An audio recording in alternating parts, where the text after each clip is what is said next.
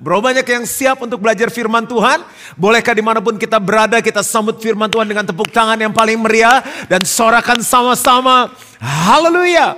Dan hari ini saya ingin menyampaikan sebuah khotbah dengan tema The Story of Faith.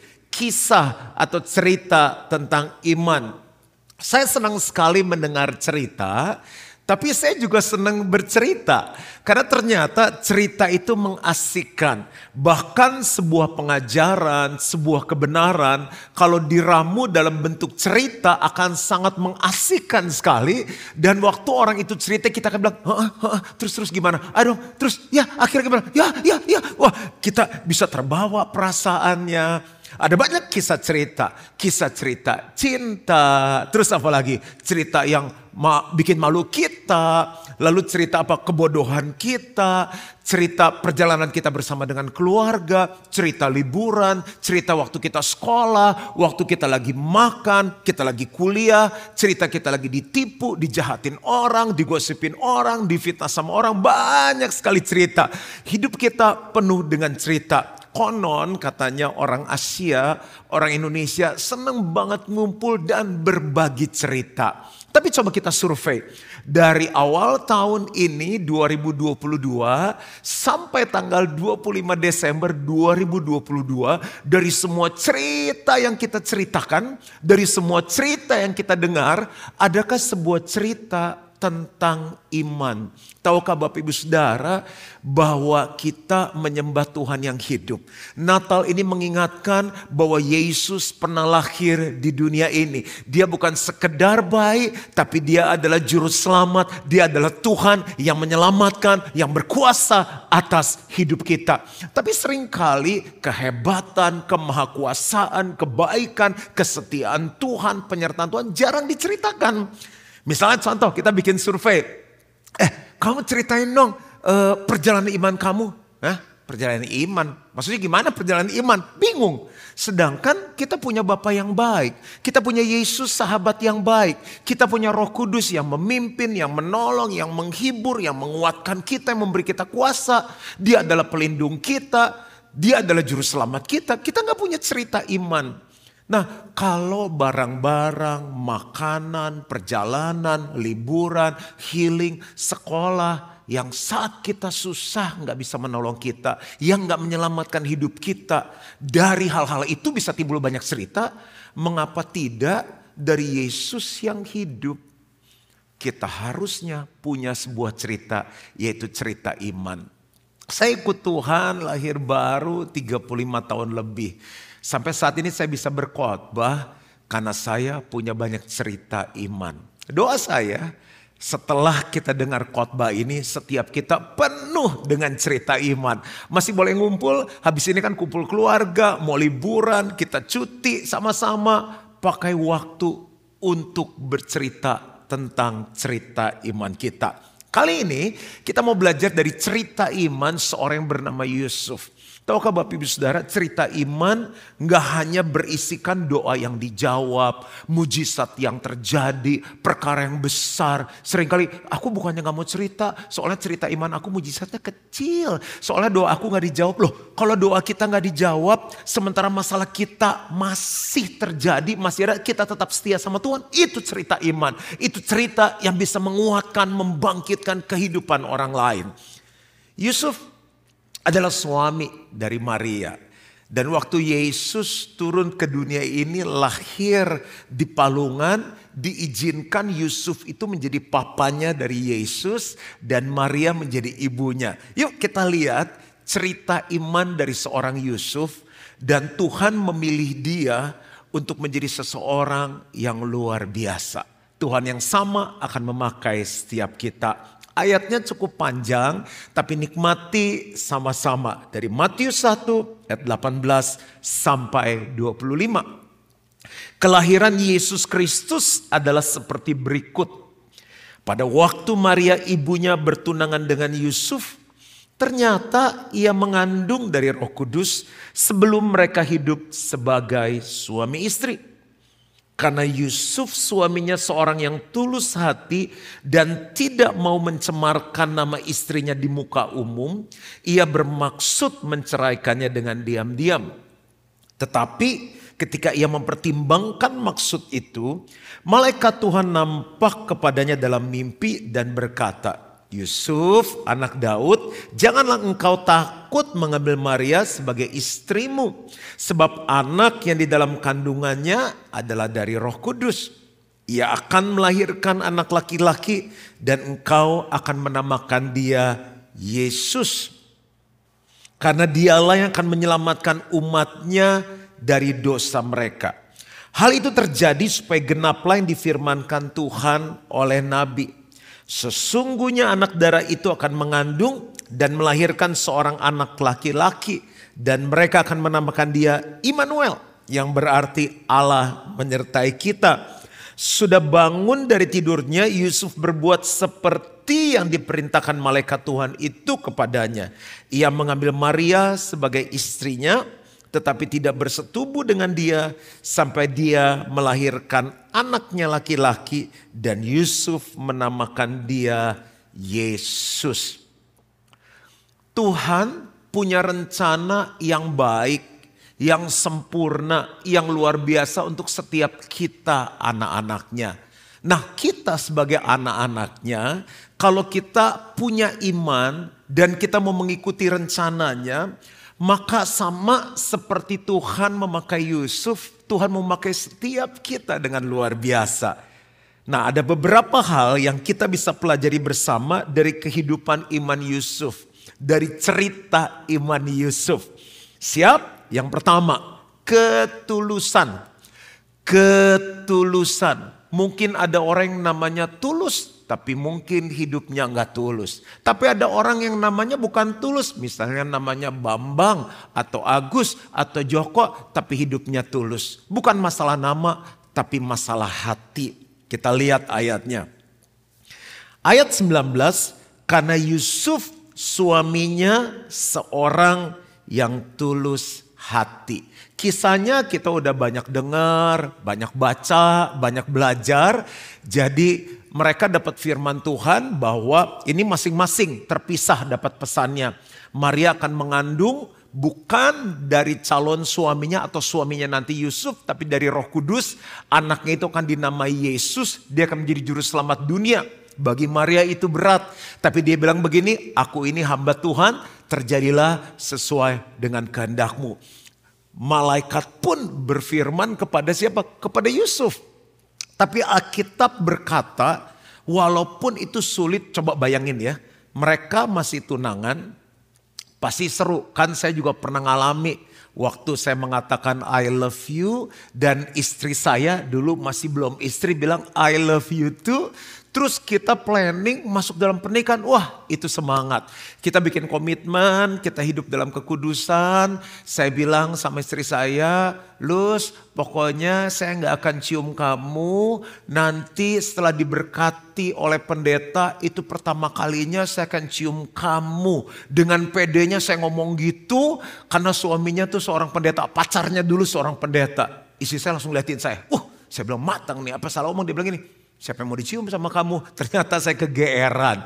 Jadi itu masa-masa yang menyenangkan. Pilih baju pengantin, pilih tempat, pilih menu, pilih lagu, pilih dekor. Bayangkan di tengah senang-senangnya tiba-tiba Maria, ini saya coba modernkan Maria WhatsApp. Dia bilang penting banget cup kita, maksudnya Suf, Suf, penting banget kita perlu bicara. Dia bilang ini, aku hamil. Wah, kamu hamil? Hamil, siapa yang hamilin kamu? Roh Kudus. Bagi seorang pria yang sudah mau bertunangan dan menjaga kekudusan, hal itu tidak mudah. Alkitab bilang, karena Yusuf suaminya seorang yang tulus hati. Coba kita baca lengkapnya ayat 19. Karena Yusuf suaminya seorang yang tulus hati dan tidak mau mencemarkan nama istrinya di muka umum. Hatinya baik. Ia bermaksud menceraikannya dengan diam-diam. Kok belum menikah masih tunangan pakai istilah bercerai. Jadi di zaman itu kalau orang udah bertunangan itu walaupun tidak melakukan hubungan suami istri, belum sebagai suami istri, mereka itu sudah dapat istilahnya suami dan istri. Posisi, posisi Yusuf sangat sulit. Saya harus membesarkan anak yang bukan darah daging saya. Gimana saya bisa mencintai anak saya seperti anak kandung saya? Gak gampang. Lalu dia juga berpikir kok bisa ya sama-sama setia, gak nyangka ternyata dia berbuat jahat di balik saya. Dia pasti terluka, dia pasti punya pemikiran-pemikiran yang kalut, yang kacau. Tapi satu hal, perjalanan iman dia bisa berakhir dengan mujizat dan kemenangan yang besar karena hatinya tulus. Bapak ibu saudara saya nggak tahu apa yang sedang kita alami dalam perjalanan iman kita. Satu hal yang kita bisa belajar dari Yusuf. Walaupun sulit, walaupun gak mudah, walaupun kita dalam mengambil keputusan masih bingung, mulailah dengan hati yang tulus. Karena dari hati itulah mengalir aliran air kehidupan. Kalau hati kita kotor, bahkan kita gak bisa dengar Tuhan mau bicara apa. Karena hatinya sudah kotor. Tulus itu artinya apa sih? Asli apa adanya. Dia nggak nutupi bahwa dia lagi sedih, dia lagi kecewa, dia lagi bingung. Dia bilang gini aja, daripada nanti aku susah, Marianya juga malu. Karena kan orang kan tanya, eh kok belum menikah? Sudah hamil Maria? Yusuf, ini kamu ya papanya? Dia bilang bukan, Marianya malu. Kalau dia bilang iya, dianya bohong. Dalam keadaan yang susah dia bilang ini, lebih baik walaupun saya cinta, untuk juga menjaga nama baik istri saya, lebih baik hubungan ini kan belum resmi menikah, lebih baik kita putus. Kelihatannya keputusan yang bodoh. Keputusan rasanya kok enggak keren sih Yusuf. Tapi dia lakukan karena apa yang ada di hatinya. Jangan menghakimi dulu sampai poin kedua, ketiga, keempat, dan yang kelima. Yang penting gini, asli apa adanya. Ada orang di depan beda, di belakang beda. Kamu marah? Enggak, siapa yang marah? Kamu kecewa? Oh gitu aja kecewa. Tapi di hati kurang ajar tuh orang. Nah susah, susah berjalan dalam iman dengan orang yang gak apa adanya. Perjalanan saya ikut Tuhan 35 tahun. Saya belajar jujur sama Tuhan apa adanya. Tuhan aku lagi kesel, saya ngomong. Saya lagi di sedih. Orang tanya, kamu marah ya? Saya bilang, iya saya marah, saya kesel sama kamu. Buat apa? Enggak kok, enggak. Paling gini, kita dengar orang-orang ngasih masukan, terus kita samperin. Kamu ada masukan untuk saya? Enggak, ih siapa, ih ngaco, ih gitu. Padahal ada masukan, padahal kita nggak suka, padahal kita kesel. Saya ngalami tangan Tuhan menuntun hidup saya karena saya belajar untuk apa adanya. Di depan sama, di belakang sama. Kalau ya, ya. Kalau tidak, tidak. Lalu tulus tuh punya arti baik, hatinya nggak jahat. Ada orang kelihatannya baik, deket sama kita, tapi hatinya jahat. Lihat kita sukses nggak suka, ngomongin kita di belakang, nusuk kita di belakang. Yusuf itu bukan karena jahat, cuma karena dia bingung. Duh udah tunangan, udah mau nikah, kenapa bisa begini ya? Kalau saya terusin, apa saya bisa mengasihi seseorang yang saya nggak kenal, papanya siapa dan harus jadi anak saya terus manggil saya papa? Perasaannya apa gitu? Coba bayangin bapak-bapak ini lagi jalan di tengah jalan terus ada anak panggil papa papa bingung nggak? Bingung lah bukan anak kita ngapain lu panggil papa papa? Terus kalau orang nanya saya harus bohong ya ini anak saya? Atau saya harus bilang nggak tahu tuh si Maria kegenetan kali. Dia punya pilihan yang susah tapi dia memilih untuk tulus apa adanya dan dia bilang ia tidak mau mencemarkan nama istrinya. Dia bukan hanya apa adanya, tapi dia orangnya baik. Mungkin kita nggak kaya, kita nggak hebat, kita nggak terkenal. Tapi kalau mau mulai perjalanan iman dengan Tuhan modalnya cuma satu. Tulus, apa adanya, di depan sama, di belakang sama, dan baik. Nggak ada niatan jahat. Yang kedua, apa yang kita bisa pelajari dari life story perjalanan iman Yusuf? Ada keterbukaan. Tulus bagus tapi harus terbuka. Saya menulis renungan gini, terbuka itu tidak berkeras dengan pendiriannya, tetapi terbuka kepada arahan Tuhan. Nah karena Yusuf terbuka, Walaupun mungkin keputusannya salah. Aduh putusin jangan ya tunangan saya. Tapi karena dia terbuka dia dapat pimpinan Tuhan. Ayat 20. Tetapi ketika ia mempertimbangkan maksud itu. Artinya gini, dia nggak merasa dirinya paling benar. Orang yang nggak bisa dapat arahan Tuhan, orang yang nggak bisa terbuka karena menganggap dirinya paling benar. Mutusin apa-apa nggak nanya istri, Ya udah mau beli mobil, beli aja. Mau beli rumah, beli aja. Mau pindah kerjaan, pindah aja. Pokoknya saya mau ngapain kek, saya mau pelayanan, enggak rundingan dulu. Karena merasa diri paling benar. Kadang dia dengar pandangan, istri ngomong, anak ngomong, ketua sel ngomong, stafnya ngomong, pendetanya ngomong. Masuk kanan, keluar kiri. Pendeta atau apa sih? Istri Kan gue lebih tua lima tahun dari lu. Anak-anak baru umur tujuh tahun, baru umur sepuluh tahun. Mau ngomong sama bapaknya. Staff tahu apa sih? Kita itu bukan segalanya. Yang maha tahu cuma Tuhan. Keterbukaan sulit terjadi kalau kita udah pasang benteng diri kita yang paling benar. Tuhan itu sopan loh.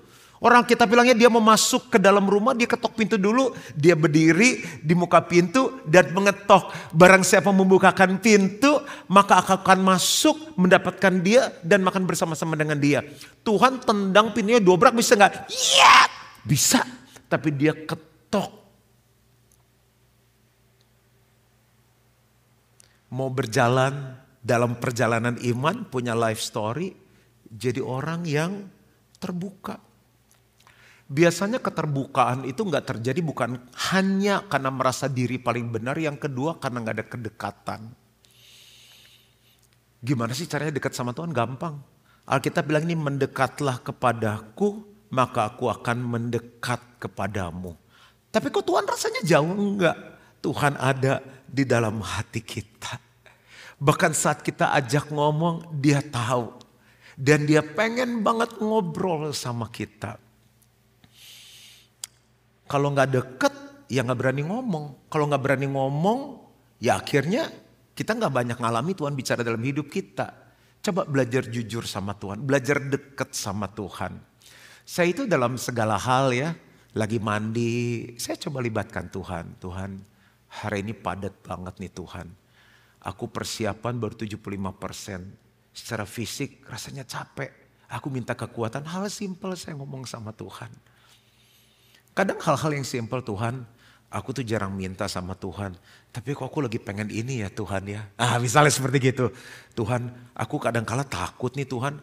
Udah berapa kali nih ya. Saya khotbah Natal udah puluhan kali. Tahun depan apa masih bisa khotbah Natal ya. Jemaat bosen gak dengar saya khotbah. Ini setahun saya ini udah berapa kali khotbah loh, 30 kali khotbah. Tahun depan mau khotbah apa lagi ya? Mesti siapin tema setahun. Ketakutan saya, kegalauan saya. Hal-hal yang rasanya aduh masa gini aja ngomong sama Tuhan sih. Bahkan hal-hal yang paling personal. Saya belajar terbuka sama Tuhan. Kadang-kadang apa? Lagi di shower, lagi mandi, lagi duduk di kloset, mohon maaf. Lalu lagi dalam perjalanan, Kadang di pesawat kalau dalam perjalanan jauh 14 jam, 16 jam. Sampai udah gak pengen nonton, udah gak pengen makan. Udah bingung mau ngapain, udah jalan ngobrol sama stewardessnya. Ngobrol sama siapa aja yang lagi lagi senam-senam gitu, yang lagi pegal. Saya ajak ngobrol, udah baca. Saya bilang ini saatnya saya mau dengan Tuhan. Udah tidur semuanya gelap. Saya duduk, saya bilang Tuhan ini saatnya Tuhan bicara sama saya. Saya duduk dengerin Tuhan ngomong. Itu cara saya mendekat kepada Tuhan. Setiap saat, setiap waktu saya mendekat sama Tuhan. Nah sering kali kita nggak bisa terbuka karena kita lebih banyak ngomong sama orang lain. Waktu kosong WhatsApp sama orang gak ada yang salah. Waktu saat uh, update media sosial lihat medsosnya orang kasih komen segala macam itu kadang waktunya habis. Lagi kosong nunggu pesawat main game. Uh sampai oma-oma sampai tante-tante sekarang main game. Uh, uh, uh, uh, seru banget. Kenapa nggak pakai itu untuk terbuka sama Tuhan, mendekat sama Tuhan. Akhirnya kita lebih dekat sama teman kita, lebih dekat sama game, lebih dekat sama Instagram, sama Facebook, sama Twitter, sama TikTok daripada kita dekat sama Tuhan. Makanya kita nggak punya cerita iman dalam hidup kita. Cerita kita seputar apa? Seputar medsos. Lu udah lihat dia belum yang terakhir badannya bagus banget, ngebentuk, itu pinggang gini. Itu aja ceritanya. Gak ada sama sekali cerita iman. Yang pertama apa? Tulus. Karena Yusuf suaminya seorang yang tulus hati. Yang kedua keterbukaan. Yusuf gak langsung putuskan, putus, pisah, you and I, and. Enggak, ketika mempertimbangkan maksud itu, dia datang sama Tuhan dengan hati yang terbuka. Dia nggak merasa dirinya benar, dia mendekat sama Tuhan dan tanpa rasa malu dia apa adanya dengan Tuhan. Tuhan, aduh saya gagal nih. Kadang apa saya kurang ganteng, apa saya kurang pinter, apa saya kurang oke. Sampai si Maria hamil sama orang lain. Itu laki itu perasaannya gengsinya tuh dihabisin. Tapi dengan rendah hati datang sama Tuhan. Yang ketiga, saya berharap kita belajar sesuatu yang pertama ketulusan, yang kedua keterbukaan. Yang ketiga adalah kepekaan. Ayat 20b. Malaikat Tuhan nampak kepadanya dalam mimpi. Jadi saat dia mendekat, saat dia terbuka, saat dia tulus. Malaikat Tuhan nampak kepadanya dalam mimpi dan berkata, Yusuf anak Daud. Janganlah engkau takut mengambil Maria sebagai istrimu sebab anak yang di dalam kandungannya adalah dari Roh Kudus. Wah hebat banget itu sih pastor levelnya udah tinggi bisa dengar suara Tuhan, Tuhan ngomong lain-lain. Setiap kita bisa. Siapa yang ngikuti secara online percaya kita menyembah Tuhan yang hidup. Kalau Tuhan yang hidup bisa ngomong nggak? Bisa. Sekarang saya mau tanya sama ibu-ibu, kenalin suara suami kita nggak? Misalnya satu saat dari luar, dari luar negeri pakai nomor lain nelfon kita, kita belum save. Bilang, Halo? Siapa nih? Ini suamimu. Hah? Yang benar suami gue. Kan aneh kan. Udah nikah 20 tahun kita pasti tahu. Suara anak kita di mall begitu banyak anak. Atau kita lagi ke taman wisata, ke dunia fantasi. Tiba-tiba yang teriak gini, Papa! Kita kan sebagai orang tua harus tahu. Itu anak saya, mana dia? Mana dia? Itu namanya apa? Sebuah kepekaan. Makanya untuk kita peka, setiap orang bisa dengar suara Tuhan. Setiap orang bisa peka. Perlu yang namanya waktu. Perlu waktu. Ada penyanyi lagi nyanyi, saya langsung tahu. Oh, itu suaranya Wawan Yap. Oh, itu suaranya si ini. Langsung tahu. Beberapa orang dengar suara khotbah, saya langsung tahu itu suaranya Pastor Juan. Keras, semangat. Selain perlu waktu, perlu latihan. Seringkali kita berpikir, ah ini suara Tuhan, eh ternyata suara diri kita sendiri. Karena kita saking pengen, ah udah ini Tuhan aja, kita sahkan itu suara Tuhan. Bisa salah, nggak apa-apa namanya latihan ya kan. Yang penting ini, untuk peka perlu waktu, perlu latihan dan perlu tenang. Perlu tenang. Nah, bagaimana saya melatih kepekaan saya dengan Tuhan? Waktu paling tenang adalah sebelum semuanya bangun. Saya udah bangun. Jam 4 belum ada yang bangun termasuk mbak belum bangun. Gelap-gelap duduk saya nyalain lampu. Duduk tenang. Itu Tuhan banyak bicara. Saya selalu bawa handphone saya dengan notes terbuka. Ada ide apa, ada pesan apa saya catat, saya catat gitu. Yang berikutnya adalah saat semua udah tidur, good night, saya udah peluk anak saya, udah mesbah keluarga sama-sama istri sudah tidur, kayak good night, I love you. Saya duduk sendirian dan di situ saya dengar Tuhan banyak ngomong planning ke depan, kamu mesti gini. Itu aja. Nah waktu saya capek, saya nggak peka. Ini kan dur terus nih, pergi pulang, pergi pulang, sibuk. Kemarinnya sebelum saya tapping ini, saya tiga kali Natalan. Tiga kali Natalan loh. Itu capek. Harus pergi, pulang, pindah tempat, pergi, pulang, pindah tempat, pergi, pulang. Orang yang berbeda sharing, firmannya beda. Saat itu saya bilang gini, saya nggak bisa bangun pagi, udah nggak kuat bangun pagi. Saya bilang harus, saya harus cari waktu tenang di mana saya harus mendengar Tuhan bicara. Karena saya punya sebuah keyakinan iman gini, di luar Tuhan saya nggak bisa buat apa-apa. Kalau Tuhan nggak kasih pesan, saya nggak bisa khotbah. Kalau Tuhan nggak kasih petunjuk, saya nggak tahu apa yang harus saya buat untuk mimpin gerejanya Tuhan masuk 2023. Bapak Ibu kan sama, mimpin keluarga. Aku cuma ibu rumah tangga, ngedidik anak sekarang kan nggak kayak zaman dulu. Punya tiga anak, tiga-tiga karakternya beda. Bapak Ibu sebagai profesional, sebagai pengusaha, kalau bukan pimpinan Tuhan, kita nggak peka, kita nggak akan punya cerita iman. Tulus, yang kedua tadi apa? Terbuka, yang ketiga peka. Peka itu perlu waktu, perlu latihan, perlu ketenangan. Yang keempat, masih tentang Yusuf. Yang luar biasa dia punya keberanian untuk taat. Karena kalau udah tulus, terus udah terbuka, udah peka, nggak mau taat sama aja. Kita nggak akan lihat sesuatu terjadi dalam hidup kita. Ayat 24, sesudah bangun dari tidurnya, Yusuf berbuat seperti yang diperintahkan malaikat Tuhan itu kepadanya. Ia mengambil Maria sebagai istrinya. Kita bilang ini klasik, gampang lah itu. Saya itu yang senang sama firman Tuhan ya. Setiap kali baca dapat sesuatu yang baru. Waktu dulu saya belajar hubungan anak sama bapak. Kita tuh anak, dia bapak. Nggak bisa hidup banget sampai saya punya anak. Bang, saya langsung tahu. Oh sayangnya saya ke Carisa tuh jauh. Tuhan lebih sayang saya daripada saya sayang Carisa. Bisa seperti gitu. Kalau saya melakukan apa saja untuk anak saya bahagia. Kalau dia lagi sakit sebisa mungkin saya tolong supaya sakitnya tambah pendek saya langsung tahu itu hati Bapak untuk saya. Sama waktu saya baca cerita ini, kalau belum menikah ini kurang hidup. Ah biasa tuh mah dari kecil udah denger orang Maria udah hamil bukan nama dia terus jadiin istri. Tapi sekarang saya bayangin kalau 21 tahun yang lalu waktu saya mau pacaran tiba-tiba satu saat kan istriku dulu calon istri di gereja sama. Tiba-tiba bilang eh dia belum panggil saya sayang panggil Juan aku hamil. Puh, itu kan kaget banget kan. Tapi kamu tetap kawinin aku ya. Yang hamilin siapa? Orang tiap kali kita pacaran cuma di rumah saudara kita dengan lampu yang terang, anaknya tiga lari-lari. Orang kita cuma bahas firman, gimana kapan bisa hamilnya. Terus mana eh kawin sama saya. Itu nggak gampang. Dibutuhkan keberanian untuk taat. Seringkali kita lebih berani taat untuk hal-hal yang kita mau dibandingkan taat kepada apa yang Tuhan suruh. Saya pelajari ya kenapa akhirnya nih saya latar belakangnya orang penakut. Tapi di dalam Tuhan saya dilatih untuk berani. Yang saya nggak tahu ujungnya ke mana saya nggak tahu. Tuhan bilang lakukan saya lakukan. Tuhan bilang pergi pergi.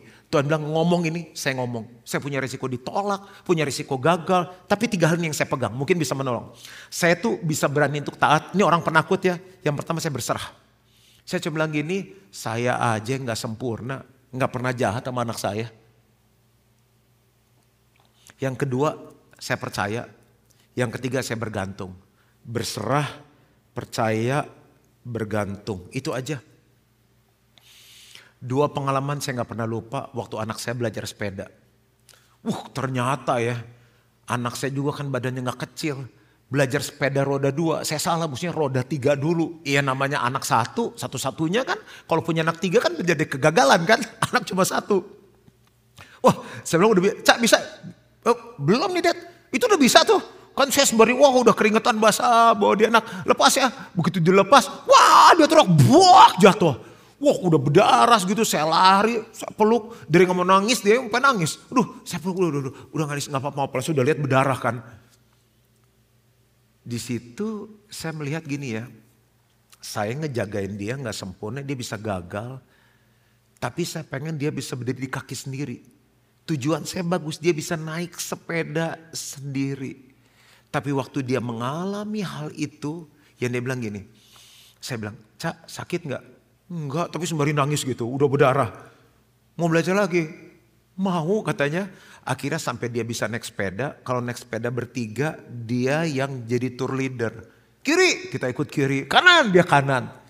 Saya melihat tiga hal, dia berserah sama saya walaupun udah jatuh tuh. Dia percaya banget, dia bergantung. Waktu dia belajar berenang sama juga. Prosesnya sama, sana bisa belajar berenang sendiri. Nah waktu saya ikut Tuhan tuh, saya belajar taatnya persis seperti anak saya ke saya. Haleluya. Ya, jadi berserah, percaya, bergantung. Tuhan banyak suruh saya hal-hal yang saya bilang Tuhan nggak salah nih. Tapi saya ingat tiga hal lagi, berserah, percaya, bergantung.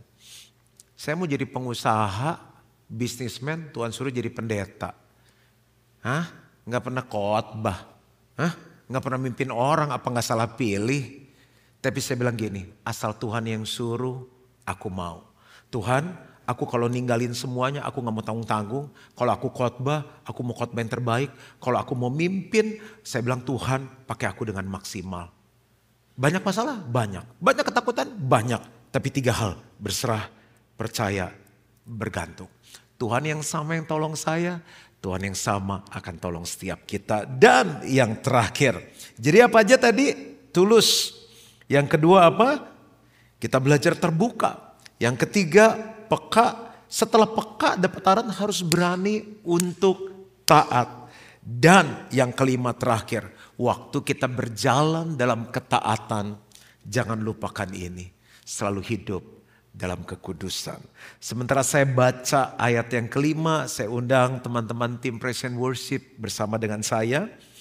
Tetapi tidak bersetubuh dengan dia sampai ia melahirkan anaknya laki-laki dan Yusuf menamakan dia Yesus.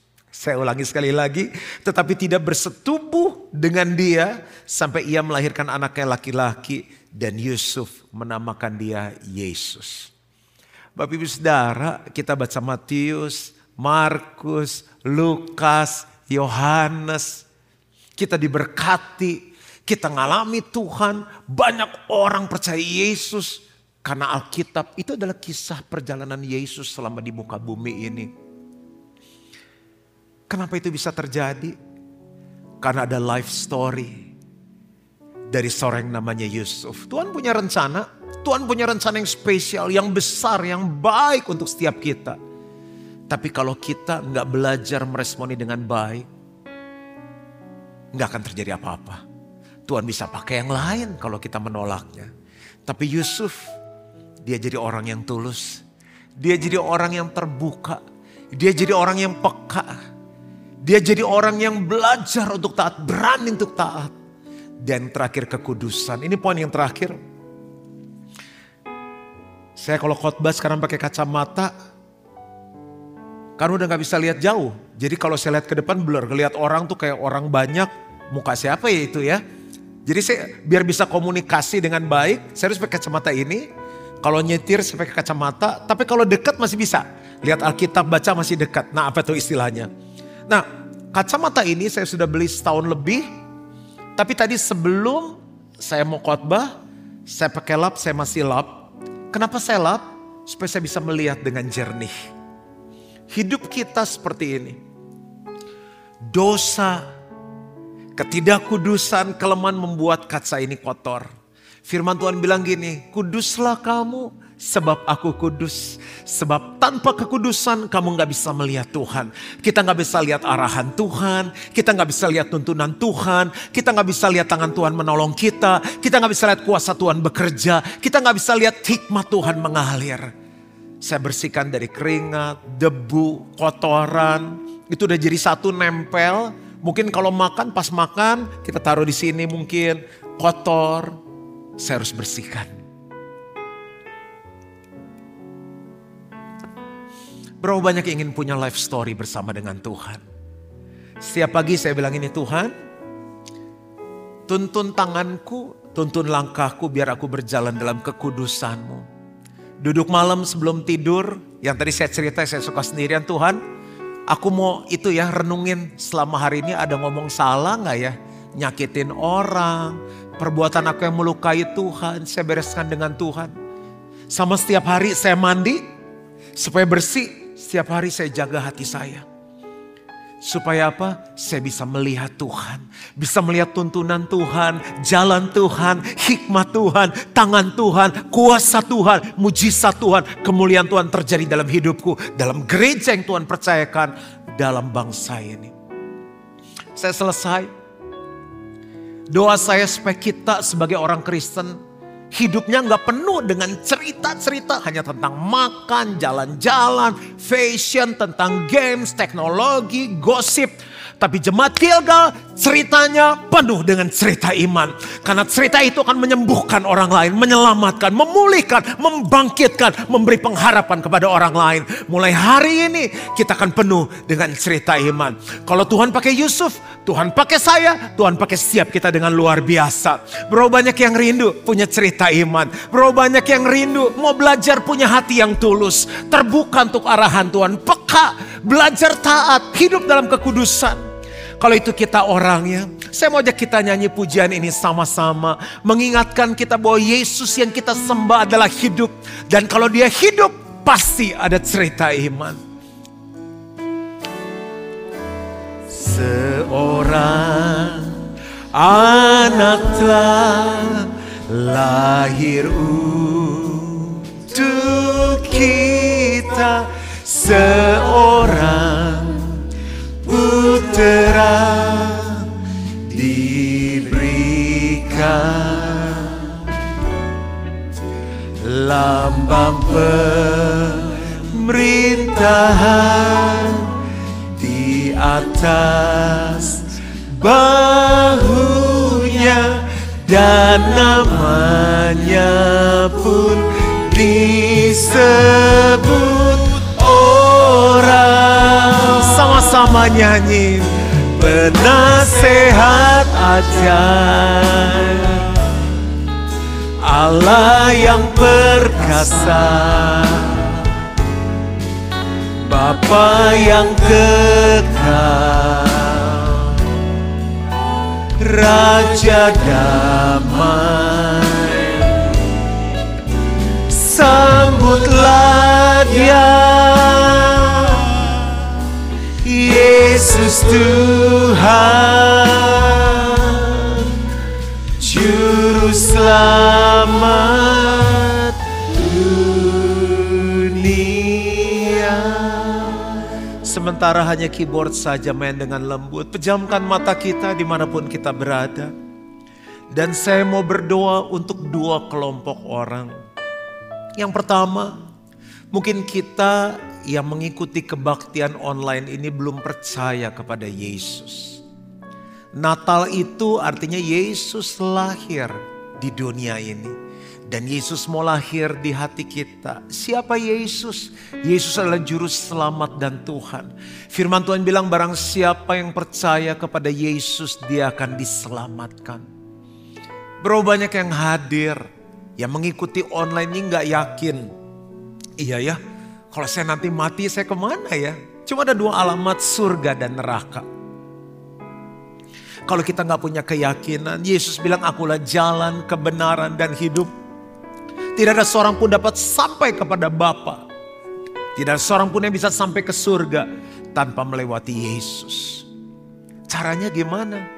Dengan hati orang percaya dan dibenarkan, dengan mulut orang mengaku dan diselamatkan. Kalau hari ini kita dengar firman Tuhan dan kita bilang, aku percaya, aku mau percaya Yesus, aku mau diselamatkan. Di mana pun kau berada, ikuti doa saya dan katakan Tuhan Yesus. Saya percaya kepadamu. Saya buka hati saya. Saya undang kau Tuhan Yesus. Masuk dalam hatiku. Jadi juru selamat dan Tuhan. Ampuni dosa-dosaku dan terimalah aku jadi anakmu. Sekarang saya yang berdoa untuk saudara.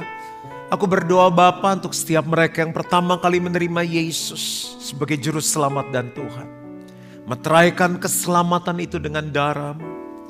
Dan biar mulai hari ini mereka punya pengalaman yang indah bersama dengan engkau.